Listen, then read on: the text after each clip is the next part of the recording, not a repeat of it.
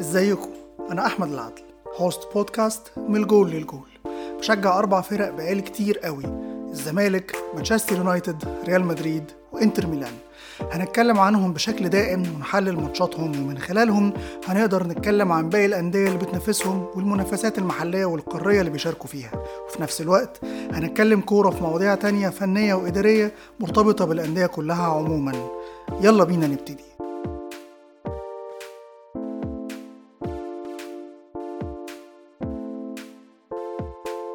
مساء الخير عليكم وحلقة جديدة من بودكاست من الجول للجول مع أحمد العدل. وحلقة جديدة جدا علينا فيها حدث عظيم وهو فوز مانشستر يونايتد أخيرا. من ساعة ما بدأت البودكاست ويونايتد ما كسبش أبدا. فالحمد لله النهاردة عندنا حلقة هنتكلم فيها عن مكسب لمانشستر يونايتد الحمد لله. وهنتكلم فيها برضو عن فوز إنتر ميلان في الدوري في الأسبوع الخامس ضد إمبولي. وحلقة فيها تفاصيل كتير جدا هنتكلم فيها وهنعلق عن تشكيل الفرقتين وطريقة اللعب وأحداث الماتشين ويلا بينا نبتدي بمانشستر يونايتد. يونايتد اللي جاي من سلسلة هزائم متتالية وغيابات كتير جدا نظرا للإصابات بدأ أخيرا يلعب بالخطة المعتادة بتاعة الموسم اللي فات وهي 4 2 3 1 بعد ما لعب طول الموسم من أوله لغاية قبل ماتش بيرنلي 4 3 3 تشكيل يونايتد كان أونانا ديوجو دالوت يمين ريجيلون شمال جوني ايفنز وليندلوف اتنين مساكين اتنين ستة في خط النص وهم كازيميرو وسكوت ماكتوميناي التلاتة اللي تحت المهاجم راشفورد على الشمال هانيبل لأول مرة كأساسي عشرة على اليمين برونو فرنانديز تحت هويلوند التشكيل ده أو طريقة اللعب دي هتبقى محتاجة إيه؟ هي محتاجة إن أنت تقفل العمق تقفل العمق بإن يبقى عندك اتنين ستة ارتكازين كويسين جدا في قطع الكورة وبيجروا كتير وقادرين على حماية خط الدفاع دائما وفي نفس الوقت يسهلوا الأمر على اللعيب رقم عشرة إن هو آه هيرجع بس لو اتأخر لأي سبب من الأسباب هم متمركزين بشكل جيد جدا وعاملين حماية وعاملين ستارة. بس في نفس الوقت بتتطلب من اللعيب اللي بيلعب ناحية اليمين والشمال اللي هو في حالتنا دي برونو فرنانديز وراشفورد إن هم يردوا دايما مع ال back right وال back left بتوعنا عشان ما عادش فيه ال half التالت اللي كان موجود في 4 3 3 اللي بيأمن الجبهة اليمين مع ال back اليمين والجبهة الشمال مع ال back الشمال. لا ده إحنا بقينا بنلعب باتنين بس فبقى من المنتظر من برونو وراشفورد الرجوع. والحقيقة إن برونو رجع كالعادة نظرا لالتزامه الدفاعي الجبار وراشفورد مرجعش خالص. الخطة دي بالتشكيل ده المفروض إن هي بتحاول تعالج بعض الأزمات لكن الحقيقة إن في التوظيف ده والعناصر دي كان في بعض المشاكل. زي إيه؟ زي إن استحواذك وبناء هجمتك في وجود جوني إيفنز وسكوت ماكتوميناي السيئين جدا بالكورة. اتنين لعيبة old school جدا مخلي الدنيا صعبة جدا عليك وانت بتبني الهجمة. ويا ريت مثلا هم سيئين بس اللي حواليهم بارعين. مثلا نقطة قوتهم هي إن هم بيبنوا اللعبة تحت ضغط بسهولة. لا ده ليندلوف نفسه متوسط في الموضوع ده. وكازيميرو حتى وإن كان أحسن بكتير من سكوت ماكتوميناي في النقطة دي لكن still لما بيبقى في حد نقطة قوته هي دي بيخلوا كازيميرو ما يعملهاش. يعني لما إريكسن بيلعب جنبه ولا ميزن ماونت بيلعب جنبه ولا برونو بيلعب جنبه كازيميرو ما بيبنيش اللعبة أصلا. فلما يبقى عندك في عمق ملعبك ليندلوف وكازيميرو وماكتوميناي وإيفنز الرباعي ده المربع ده هو المطالب يبني اللعب أنت عندك أزمة كبيرة جدا في الكورة. وده اللي كان مصعب الدنيا جدا على يونايتد طول الماتش لأن الخصم ما بيقابلكش من فوق ما, بيضغ... ما بيضغطش عليك من فوق. خلاص كل الناس اتعودت إن أونانا موجود مش هنضغط عالي فبالتالي هنفضل سايبين الكورة باستحواذ ملوش أي داعي وملوش مبرر تماما للناس اللي بتلعب في القلب. عشان ده كان يعالج كان ضروري إن برونو فرنانديز هو اللي يلعب 10 ودي مشكلة رقم اتنين. برونو فرنانديز أخيرا طالما غيرنا 4 3 3 وهنلعب 4 2 3 1 طالما برونو فرنانديز عندك اللي هو واحد من أقوى اللعيبة رقم 10 في العالم واللعيب الوحيد اللي مستواه ثابت في فرقتك بقاله أربع سنين يبقى ضروري تلعب بيه هو 10 تلعب بيه 10 وتشوف حل ناحية اليمين. طالما النية بتاعت إنك تبقى بترقع يعني أو بتسكن الأزمة أو الألام بلعيب على الخط وخلاص موجودة يبقى من باب أولى إن برونو فرنانديز يلعب هو 10 وهانبل هو اللي يلعب ناحية اليمين. هانبل هيقدر يلعب ناحية اليمين ويبقى ملتزم دفاعيا وفي نفس الوقت الكورة وهي خارجة من رجله هتخرج من رجله كويس. لكن تبقى محتفظ ببرونو رقم 10 عشان لما نفشل في بناء اللعب يبقى اللعيب اللي في قلب الملعب هو اللي بينزل مع كازيميرو. وماكتوميناي يحاول يستلم في مساحة. يبني اللعب هو لوحده شخصيا في مرة ويخلي حد من الاتنين الارتكاز يطلع لفوق شوية. لكن فكرة وجوده على الناحية اليمين منعتنا نبني اللعب ومنعت حتى لما كنا بنخرج بالكورة. كل فين وفين إن إحنا نسلم مظبوط لأن العشرة بتاعنا. هانبل ال creativity عنده وال playmaking عنده أقل من برونو فرنانديز بكتير. ولذلك كل دور يونايتد في الشوط الأولاني كان محاولة الخروج بالكورة وفشل تام في الخروج بالكورة.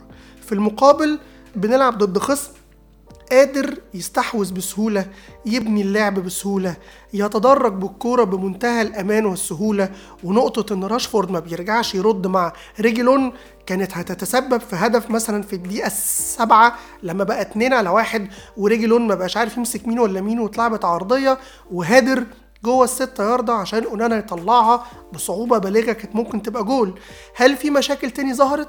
آه في مشاكل already موجودة لكن ظهرت أكتر المرة دي.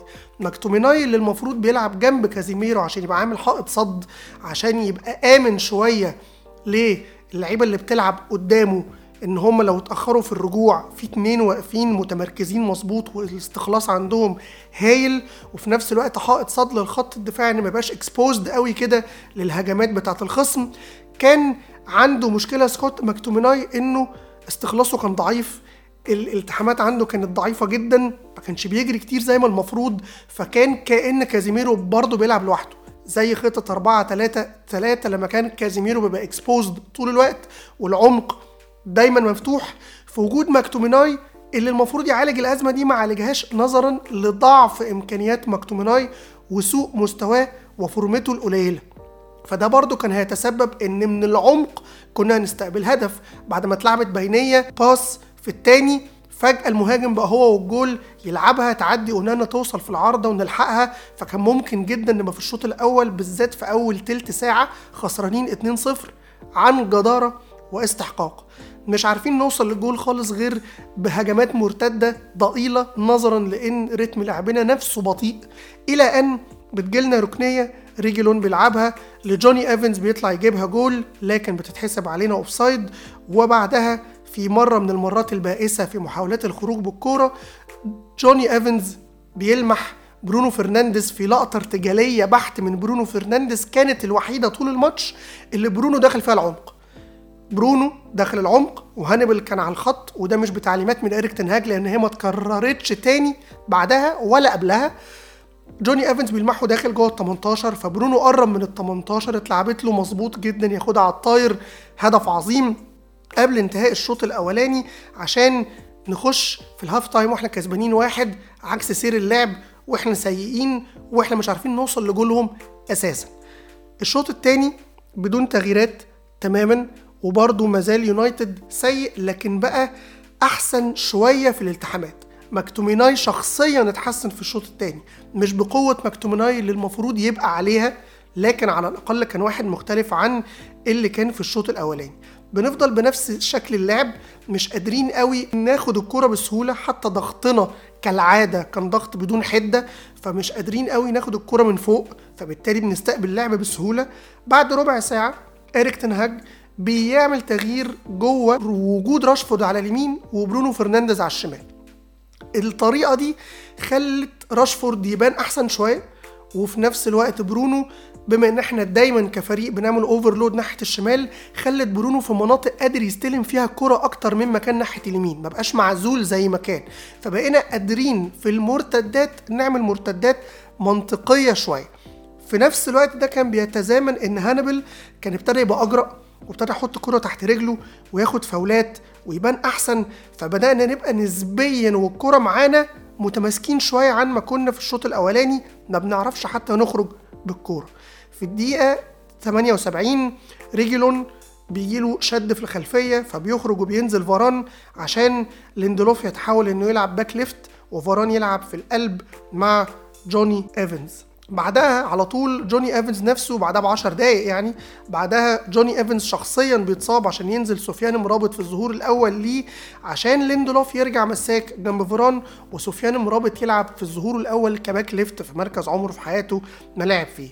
فضلنا كويسين في الهجمات المرتدة ما بنعملش تغييرات خالص غير تغييرين للإصابات وما فهمتش قوي إيه السبب لده وكنا بنحاول نمشي الماتش زي ما هو ماشي على أمل إن الماتش يخرج زي ما هو كده وبالفعل ننجح في الفوز 1-0 رغم إن إحنا كنا في أسوأ شكل ينفع يتقال.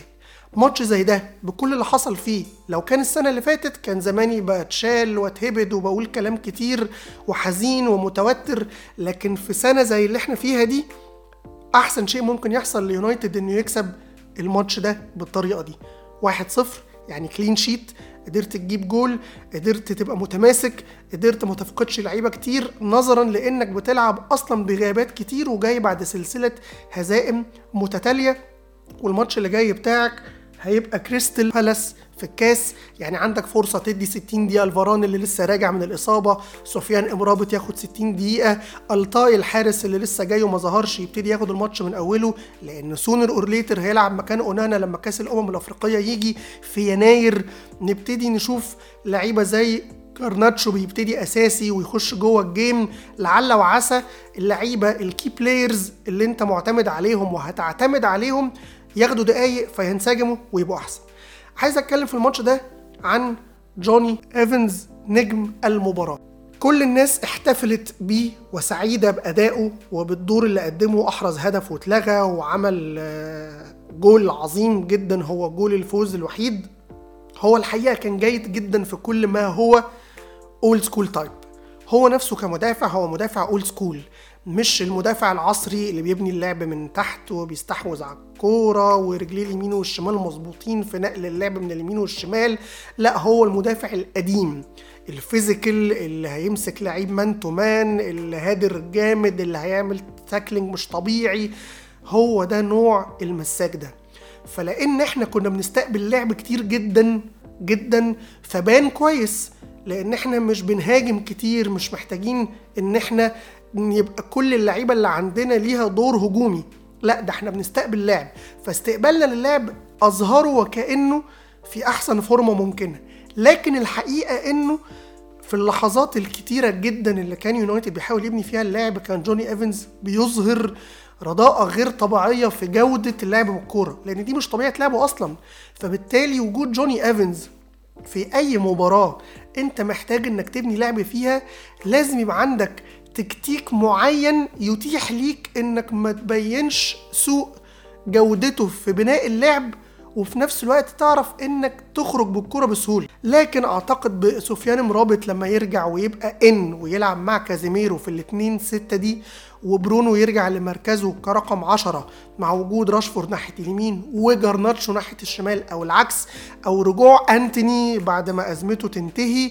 أعتقد إن ده هيبقى الشكل الأمثل ليونايتد اللي قدمنا بيه موسم خرافي الموسم اللي فات وأتمنى يبقى الماتش بتاع الدوري ده يبقى مفتاح لرجوع يونايتد تاني للمنافسة نسبيا هذا الموسم بالخطة دي وبالعناصر دي بإذن الله. نيجي لإمبولي وإنتر ميلان. مباراة إمبولي وإنتر ميلان في الأسبوع الخامس في ملعب إمبولي بتنتهي بفوز إنتر ميلان 1-0 وبأداء يخوف لكن بفوز بكلين شيت عندنا إيجابيات وعندنا سلبيات وعندنا علامات استفهام كتير جدا هنطرحها ونتكلم عليها. إنتر بيقابل فريق في أول أربع أسابيع خسر كل الماتشات لم يحرز أي هدف اقال مدربه وعنده مشاكل لا تعد ولا تحصى. في المقابل إنتر بعلامة كاملة وهدف وحيد في مرماه في مباراة اي سي ميلان وقوة هجومية مفرطة المفروض إنه يقابل إمبولي وهو مش هقول شايف إن الفوز سهل لكن على الأقل يثبت ده عمليا إنه يقدم game أحسن بكتير من ال game اللي فات إنتر بيبتدي بخطته المعتادة ب 3 5 2 بيان سومر أتشيربي في العمق وبافار على يمينه وباستوني على شماله ديماركو شمال ودارميان يمين لإراحة دومفريس وإصابة كوادرادو بديله ثلاثي في خط النص حكان العائد من الإصابة على يمينه فراتيزي لأول مرة من بداية المباراة وميخيتاريان على شماله اتنين مهاجمين لوتارو وماركوس تورام. بان من مباراة ريال سوسيداد اللي كانت قبل مباراة إمبولي بثلاث أربع أيام إن لوتارو عنده إجهاد. ما بيجريش زي ما المفروض ما بيلتحمش زي ما المفروض وده شيء طبيعي نظرا للعبه أساسي في ال international break مع الأرجنتين ولعبه أساسي في كل الماتشات مع إنتر ميلان ولما بيخرج بيخرج في الدقيقة 80 تقريبا. فكان من المفترض ومن المنطق إن في مباراة زي دي تبقى فرصة لإراحته لأنك لو مش هتعمل ده في ماتش زي إمبولي اللي خسران أول أربع ماتشات وبمدير فني جديد وإنت إنتر ميلان in form هتعمل كده إمتى؟ فمعرفش إيه السر في ده. نفس الفكرة في ميختاريان اللي بان جدا برضه في ماتش ريال سوسيداد سواء لما لعب half تالت في مركزه الطبيعي أو لما لعب ستة بعد خروج أسلاني إنه مستواه سيء مش لإنه هو لعيب سيء ولا لإنه هو بيمر بسوء مستوى بقاله كتير لا لإنه مش قادر يلتحم الالتحامات الطبيعية بتاعته ويجري كم الجري الطبيعي بتاعه وده برضه راجع للإجهاد. فلو مش هيرتاح في ماتش زي امبولي هيرتاح إمتى؟ خصوصا وإن إنتر السنة دي يمتلك خط نص مرعب. أنت عندك الثلاثي الأساسي باريلا وميختاريان وحكان يليهم فراتيزي أول بديل وأسلاني أول بديل لحكان وسنسي وكلاسن اتنين احتياطي لميختاريان فلو سنسي مصاب الطبيعي إن كلاسن يبقى بيلعب النهارده. ولو انت مش قادر تديله الماتش من اوله فمن المنطق ان ميختاريان بعد ما يلعب ويثبت انه مش قادر زي ما اثبت انه مش قادر ان كلاسن ينزل في الدقيقة مثلا 60 زي ما انت متعود تغير بداية من الدقيقة دي. لكن ده برضه ما حصلش. دي علامات استفهام أنا مش قادر قوي الاقي لها حل وحاسس ان انتر هيعاني نفس معاناته مع انزاجي في المواسم السابقة لما كنا بنقول بيعمل rotation على قد ما يقدر بس أكيد كتير ما بيقدرش نظرا لأن الدكة سيئة. بس السنة دي بعد ما الدكة بقت عظيمة وعندنا full squad أنا شايف إن إنزاجي بيتصرف مع ال squad بنفس الشكل بالظبط. فهل هنلاقي نفسنا بنعاني نفس المعاناة ولا في حاجة في دماغ إنزاجي هنعرفها بالوقت؟ خلينا نشوف. المباراة بتبتدي بإنتر مسيطر جدا باستوني بيزيد في ظهر الهجمة زي ما هو متعود طول عمره بعد لما قعد ماتشين ما يعملهاش. ماتش اي سي ميلان كان متحفظ جدا وريال سوسيداد كان متحفظ جدا بالذات بعد ما غلط في الجول اللي جه في مرمانا بنحاول نوصل للجون لكن إحنا بطاء جدا جدا جدا بدون أسباب مفهومة والعرضيات عندنا سيئة. ليه العرضيات عندنا سيئة؟ لأن الجبهة اليمين لما كان دومفريز بيبقى موجود عرضياته كانت بتبقى كويسة جدا. الميزة الوحيدة اللي دارميان بيديها لك على دومفريز إن في بناء الهجمة قادر تعتمد عليه. بيفضل ثابت مكانه ك wing back وفراتيزي اللي هو بيلعب مكان باريلا بيبقى في مكانه كخط نص زايد لفوق. لما دومفريز بيبقى موجود زي ما إحنا متعودين لأنه سيء جدا بالكورة فبيستراتش لفوق على الخط أو بيخش كمهاجم وواحد من الاثنين المهاجمين بينزل 10 وعشان تعوض وجوده بينزل باريلا هو اللي يبني اللعب بس. لكن أي حاجة تانية في وجود دارميان هتنتظرها هجوميا زي أو أفضل من دومفريس مش هتلاقي. فبالتالي العرضيات بتاعتنا والتكملة على الجون من الجبهة اليمين كانت سيئة جدا. طب الجبهة الشمال اللي إحنا متعودين نعمل فيها overload عرضيات دي ماركو كانت سيئة جدا جدا جدا. باستوني بس اللي كانت عرضياته نسبيا كويسة لكن ما كانتش كتير. ومع استاد ضيق زي اللي إحنا كنا فيه ده كان ما عندناش option غير الشوط كنا بنشوط كتير جدا. حكان شاط في الدقيقة 12 وعندنا باستوني نفسه شاط وعندنا فراتيزي شاط شوطة كانت سيئة جدا قبل الشوط ما ينتهي. عندنا محاولات كتير جاية من إن في مساحة نظرا لإن هم سايبين الكورة فمن العمق في مساحة نسبيا يلا نجرب ونشوط. كل ده أدى إلى إن إحنا في الشوط الأولاني ما كانش لينا خطورة قوي غير من هدف أحرزه ترام من عرضية بعد ركنية ولأنه كان offside فاتلغى لكن غير كده ملناش خطورة قوي نقدر نذكرها. وإمبولي طول الشوط كان سلبي جدا جدا جدا. سايب لنا الكورة مش مدلنا قوي إيحاء إنه ممكن يهاجم. ملوش غير شوطة واحدة على الجول في الدقيقة 34 من فاول اتلعب وطلعت فوق العارضة. لكن غير كده هم مش موجودين أصلا. الشوط الأولاني بينتهي وبيبتدي الشوط التاني وامبولي باين ان هو اجريسيف شوية واثق من نفسه أكتر. حاسس تقريبا إنه ما عندوش حاجة يبكي عليها. ما أنا بلعب إنتر ميلان والمنطق إني أخسر. طب ما أجرب أطلع لقدام. ما أجرب أضغط عليه من فوق. ما أجرب أحاول أهاجمه. ما أجرب أحاول أعمل كام نقلة وأستغل إن خط نصه مش في أحسن حالة. وبالفعل بدأوا يتواجدوا في نص ملعبنا أكتر لكن بدون خطورة قوي نقدر نتكلم عليها. لكن كنا محظوظين بإن باستوني كان المفروض يتحسب عليه ضربة جزاء في الدقيقة 47 بعد ما زق اللعيب بتاعهم في كورة ثنائية. معرفش عدت إزاي الحمد لله إن هي عدت بس هي في رأيي أنا وبعيني أنا إيده الشمال باينة جدا وهي بتزق اللعيب اللي وقع وكان منطقي إن هي تتحسب وما اتحسبتش. جالنا ركنية في الدقيقة 51 بعد شوطة من دي ماركو الحارس طلعها ركنية بتتلعب بترد ليه دي ماركو على حدود ال 18 من المساكين عندهم وبيلعبها في المقص بهدف عظيم ما كانش منتظر ابدا إن هو هيجي ولا كان منطقي تماما إن إنتر هيعمل كده ولا دي ماركو حتى والكوره جاية له إنه هيعمل كده. كنت منتظر إنه هيستلمها ثم يشوط. لكن هو فاجئني ولعبها بتكنيك رائع. وتيجي في المقص في الدقيقة 51 عشان جول في أول الشوط الثاني يديلنا ثقة ويهمت شوية المحاولات الاستفاقة اللي كانت عند إمبولي في بداية الشوط الثاني بدأ يبقى شكلنا أحسن نسبيا لكن بدون فرص حقيقية. وسومر بدأ يبان أكتر كل ماتش عن الماتش اللي قبله في الفرص اللي بتيجي علينا. كان علينا فرصة مهمة جدا من فاول مباشر. صدها بتكنيك رائع دلنا أمان وإحنا لسه مش قادرين نوصل للجول بتاعهم زي ما المفروض. في الدقيقة 70 بيتدخل إنزاجي وبيعمل تغييرات. تغيير الدفراي بباستوني عشان أتشيربي يلعب ناحية الشمال ودفراي يلعب في العمق وده تغيير أنا نفسي يتحرم. يعني يعني أنا نفسي الفيفا ولا الاتحاد الإيطالي يحرم إن سواء أنا كسبان أو متعادل أو خسران وعندي ال squad ده وأروح منزل ديفراي بدل باستوني أو ديفراي مكان اتشيربي أو اتشيربي مكان ديفراي أنا حقيقي نفسي اقعد مع انزاجي افهمه التغيير ده بيبقى ليه. بس حقيقي يعني غريب جدا. ومع التغيير العظيم ده بي بيخرج فراتيسي ولوتارو وبينزل مكانهم باريلا وارناتوفيتش. أكيد أرناتوفيتش أحسن من لوتارو physically بكتير.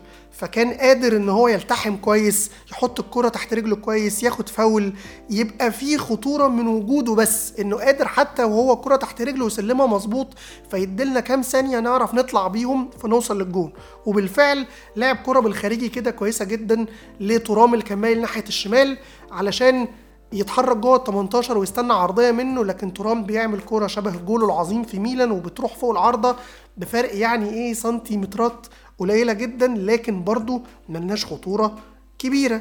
بنيجي في آخر خمس دقايق أو عشر دقايق بنعمل تغييرين أخر بخروج ماركوس تورام وماركو ونزول كارلوس أوجوستو والكسيس سانشيز وكلاسن مش موجود. هل ده معناه إن إحنا قدام أسلاني جديد؟